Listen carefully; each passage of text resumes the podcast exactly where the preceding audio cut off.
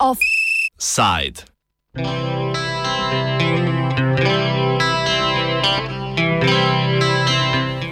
Goodbye, Trumps. Svaku tvoju riječ ja volim, mada ništa ne. Zbor elektorjev je včeraj uradno izvolil novega ameriškega predsednika Joea Bidna. Prvi so ob 10. uri po lokalnem času glasovali elektori v zvezdni državi Vermont, zadnji pa v Kaliforniji ob 10. zvečer po pacifiškem času. Glasovanje ni prineslo presenečen. Vsi elektori so glasovali glede na rezultate večinskega glasovanja. Joe Biden je osvojil 306 elektorskih glasov v 25 zvezdnih državah, Donald Trump pa 232 glasov v prav tako 25 zvezdnih državah. Kazalec na tehnici za Bidenovo zmago so prispevali elektori v nihajočih državah in sicer Nevadi, Georgiji, Pensilvaniji, Arizoni, Michiganu in Wisconsinu.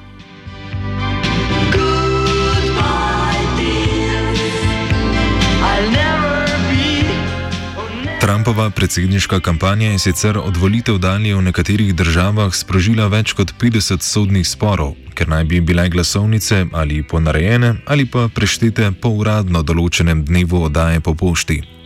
Večina teh pritožb je bila zavrženih, tako da so volilni kongresi posameznih zvezdnih držav 8. decembra potrdili rezultate v vseh državah in prestolnici Washington. Glasovanje elektorskega koledža je bilo tako zgolj formalnost, komentira Robert Poredoš, dopisnik STA iz ZDA.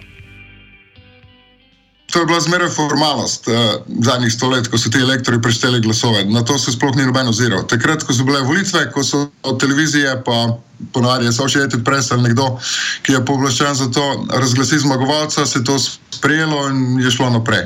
Zdaj pa, zdaj pa zgleda, da se američani tudi učijo v svojem sistemu, v svoji zgodovini, ker Trump ne sprejema poraza in gre cel ta postopek zdaj skozi medije. Zdaj vsi so spremljali te elektorska glasovanja v ponedeljek um, kot, kot volitve. Čeprav je bilo jasno, kdo bo dobil koliko elektorjev v kateri državi. Uradno novo izvoljeni 46. ameriški predsednik, ki bo na položaj prisegel 20. januarja, je po večerni objavi rezultatov zmago na volitvah komentiral takole. should be celebrated, not attacked. More than 81 million of those votes were cast for me and Vice President elect Harris. That too is a record. More than any ticket has received in the history of America. It represents a winning margin of more than 7 million votes over the number of votes cast for my opponent. Together, the Vice President elect Harris and I earned 306 electoral votes well exceeding the 270 electoral votes needed to secure victory. 306 electoral votes is the same number of electoral votes that Donald Trump and Vice President Pence received when they won in 2016. Excuse me. Donald Trump se je na objavo rezultatov odzval v svojem stilu in Bidenovo zmago označil za precej tesno. Trumpova navidezna zaskrbljenost pa ni neupravičena. Posamezni zvezdni in državni toživci že napovedujejo odprtje sodnih postopkov proti Trumpu in članom njegove družine zaradi utaje davkov, obstrukcije kazanskih dokazov v postopkih zvezdne policije, ki je ugotavljala financiranje Trumpove predsedniške kandidature leta 2016 in drugih razlogov. Komentira Purdoš. Žilec Manhattna uh, vodi eno preiskavo Trumpove organizacije, in potem je tu še pravosodna ministrica Zvezdne države New York. eh, Ki tudi vodi preiskavo. Tle gre za, za tiste znane zgodbe od eh, Michaela Coena, pa plačilo, plačilo za mok tisti pornografski igravki. Uh, se že pozabil, koliko je ime, St- a Stormy Daniels. Ja.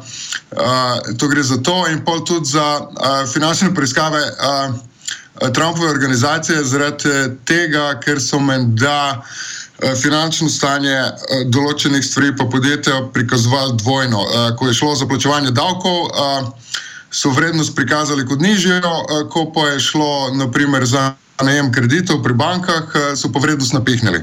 In to ene od teh dveh, to sta dve preiskavi. Posluše in uh, v Trumpovi organizaciji to je družinska zadeva in seveda tukaj sodeluje tudi Ivanka Trump, pa oba sinova in uh, preiskava po zadevo tudi njih. In potem ima pa še ne vem koliko, meni se zdi, da je nekaj deset ali koliko, je teh tožb raznih žensk, ki ga, ki ga obtožujejo spolnega napada. In do zdaj, dokler je bil predsednik, te tožbe niso šle nikamor in uh, zdaj se bo pa tole še bolj zagnalo. In Trump, eden od razlogov je bil tudi to, uh, ta, da se je Trump uh, preselil na Florido, da je spremenil stalno bivališče iz New Yorka na Florido, uh, kjer ima mir pred pregonom in uh, uh, tam tudi ni državnih davkov. I'll never. Trumpovi odvetniki so v zvezi z morebitnim pregonom že napovedali, da bi si lahko pred zaključkom mandata Trump podelil tako imenovano predsedniško samopomilostitev. Prav tako bi za nedolžne, s tem pa varne, pred pregonom označil člane svoje družine.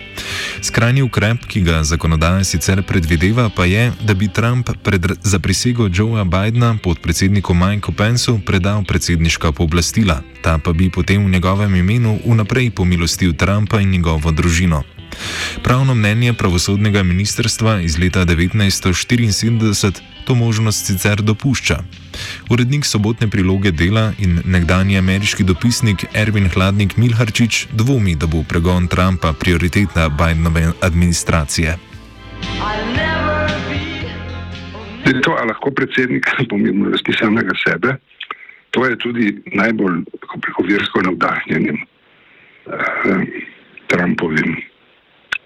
Pa je da še mi jasno, da zveni malo smešno. Ne? Ampak pravni institut obstaja. Tako da ja, z malo spretnosti, dobre volje in par dobrimi advokati lahko Trump postavi po konci operacijo, s katero bo samega sebe vnaprej razglasil za nedolžnega in se zaščitil pred morebitnimi sankcijami za kršitve, ki jih je izvajal med svojim mandatom. A je to verjetno, da se bo zgodilo?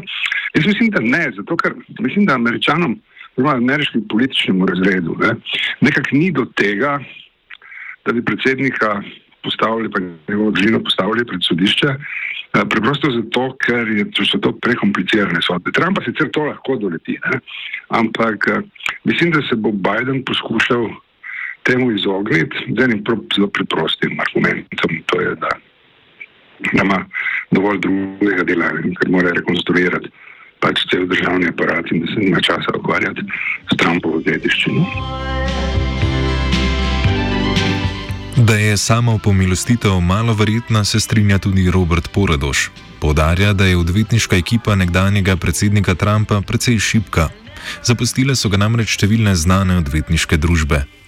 enega izrednega stanja ni. Ne? Trump ima na voljo pač nažalost uh, uh, odvetnike, ki niso tako do dobri. Vsi tisti naše pravniške ekipe so šle stran, ker so videli, da, da s tem ne pridejo nikamor, da, da se sam sramotijo. In ostavi pač Giuliani, ki mu paše, da je, da, da je spet relevanten.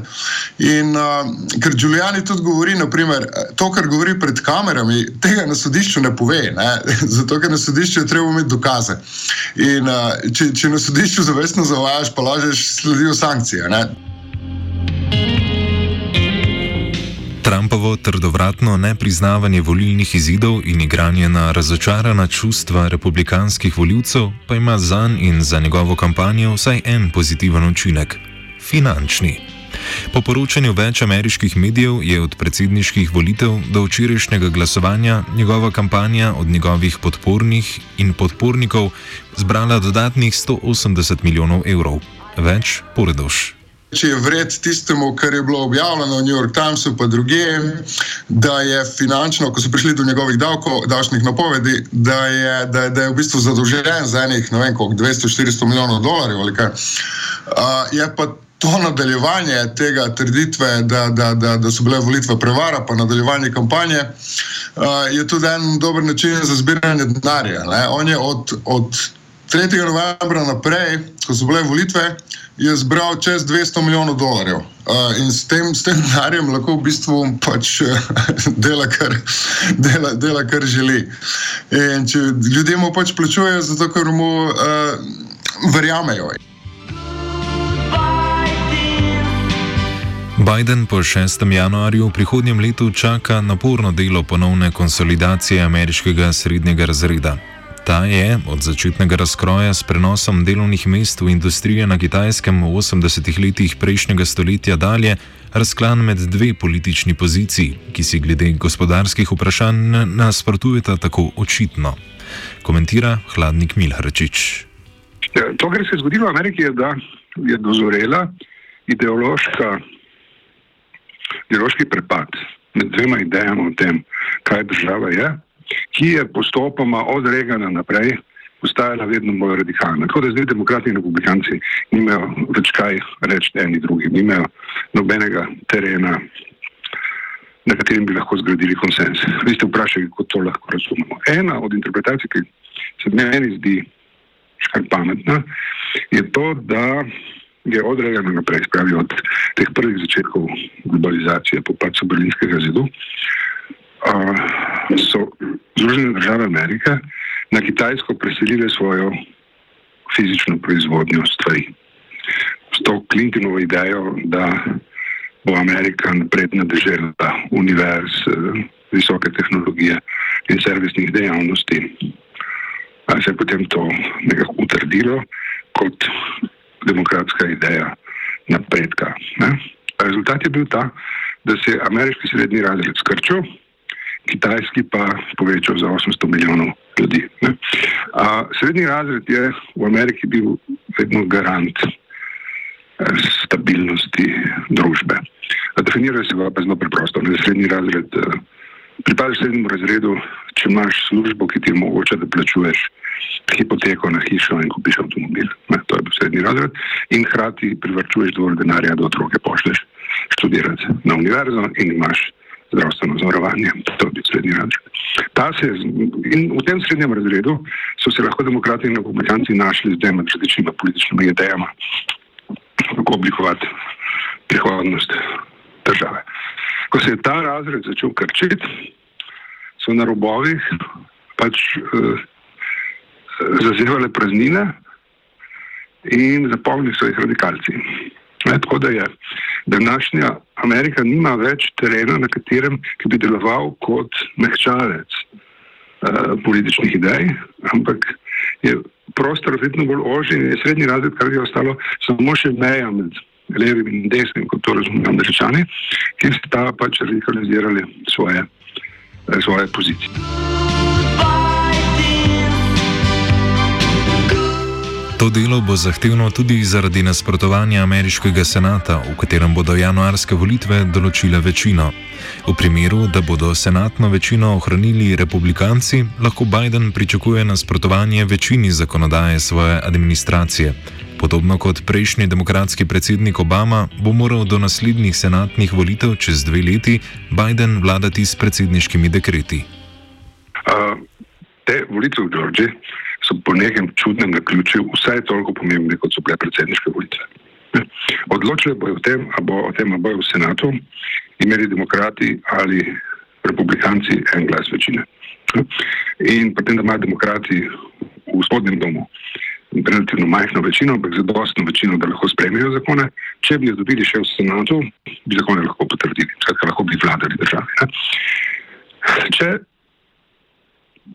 v Georgiji zmaga demokrat, bo Biden imel, bo vsaj mehko pristal v začetek uh, svojega predsedniškega mandata, ker bo lahko oblikoval zakone in sprejemal uh, odločitve, ne da bi mu senat nasprotoval. Če zmaga republikanec, bo Biden v istem položaju, v katerem je bil Barack Obama, ko je bil skratka razen prvih dveh let, so imeli republikanci večino v senatu in Obama ni mogel tako rekoč skozi parlament spraviti nobenega zakona, ampak je moral vladati s predsedniškimi dekreti in je s tem odprl pot uh, stilu, ki ga je do briljance izpeljal Donald Trump. Ne? To je, da namesto da zakone sprejema parlament, predsednik sam vodi državo s predsedniškimi dekreti. Ne? To je v volitve v Georgiji bo odločile, ali bo Biden se res vlada v Združenih državah Amerike ali pa bo zgolj vzbojil vtis, da vlada tej državi. Ne?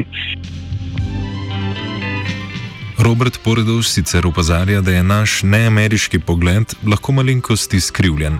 Ne glede na to, kakšna bo Bidenova zonanja politika, bo na notranji političnem parketu skušal biti čim bolj povezovalen.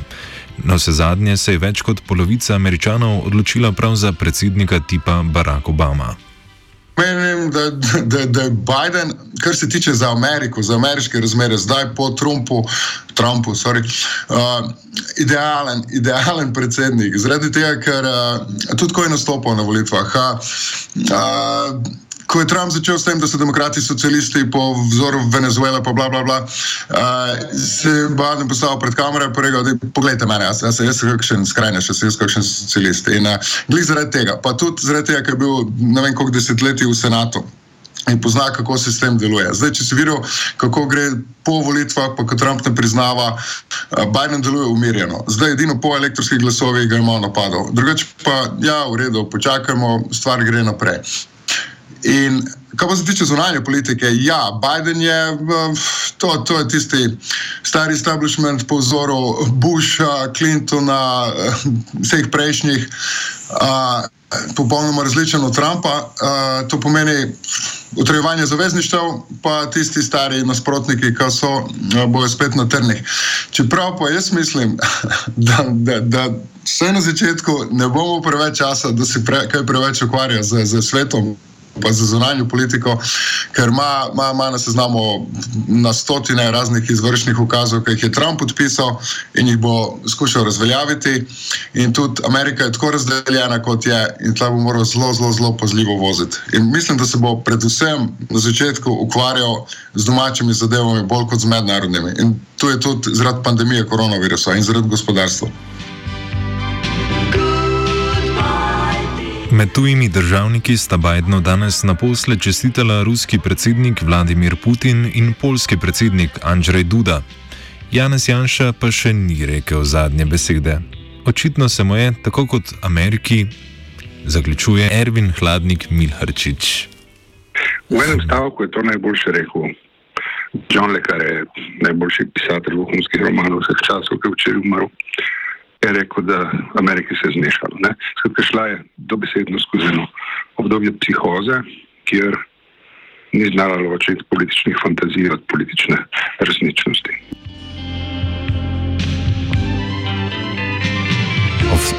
Offset zamudo je pripravil Dugi.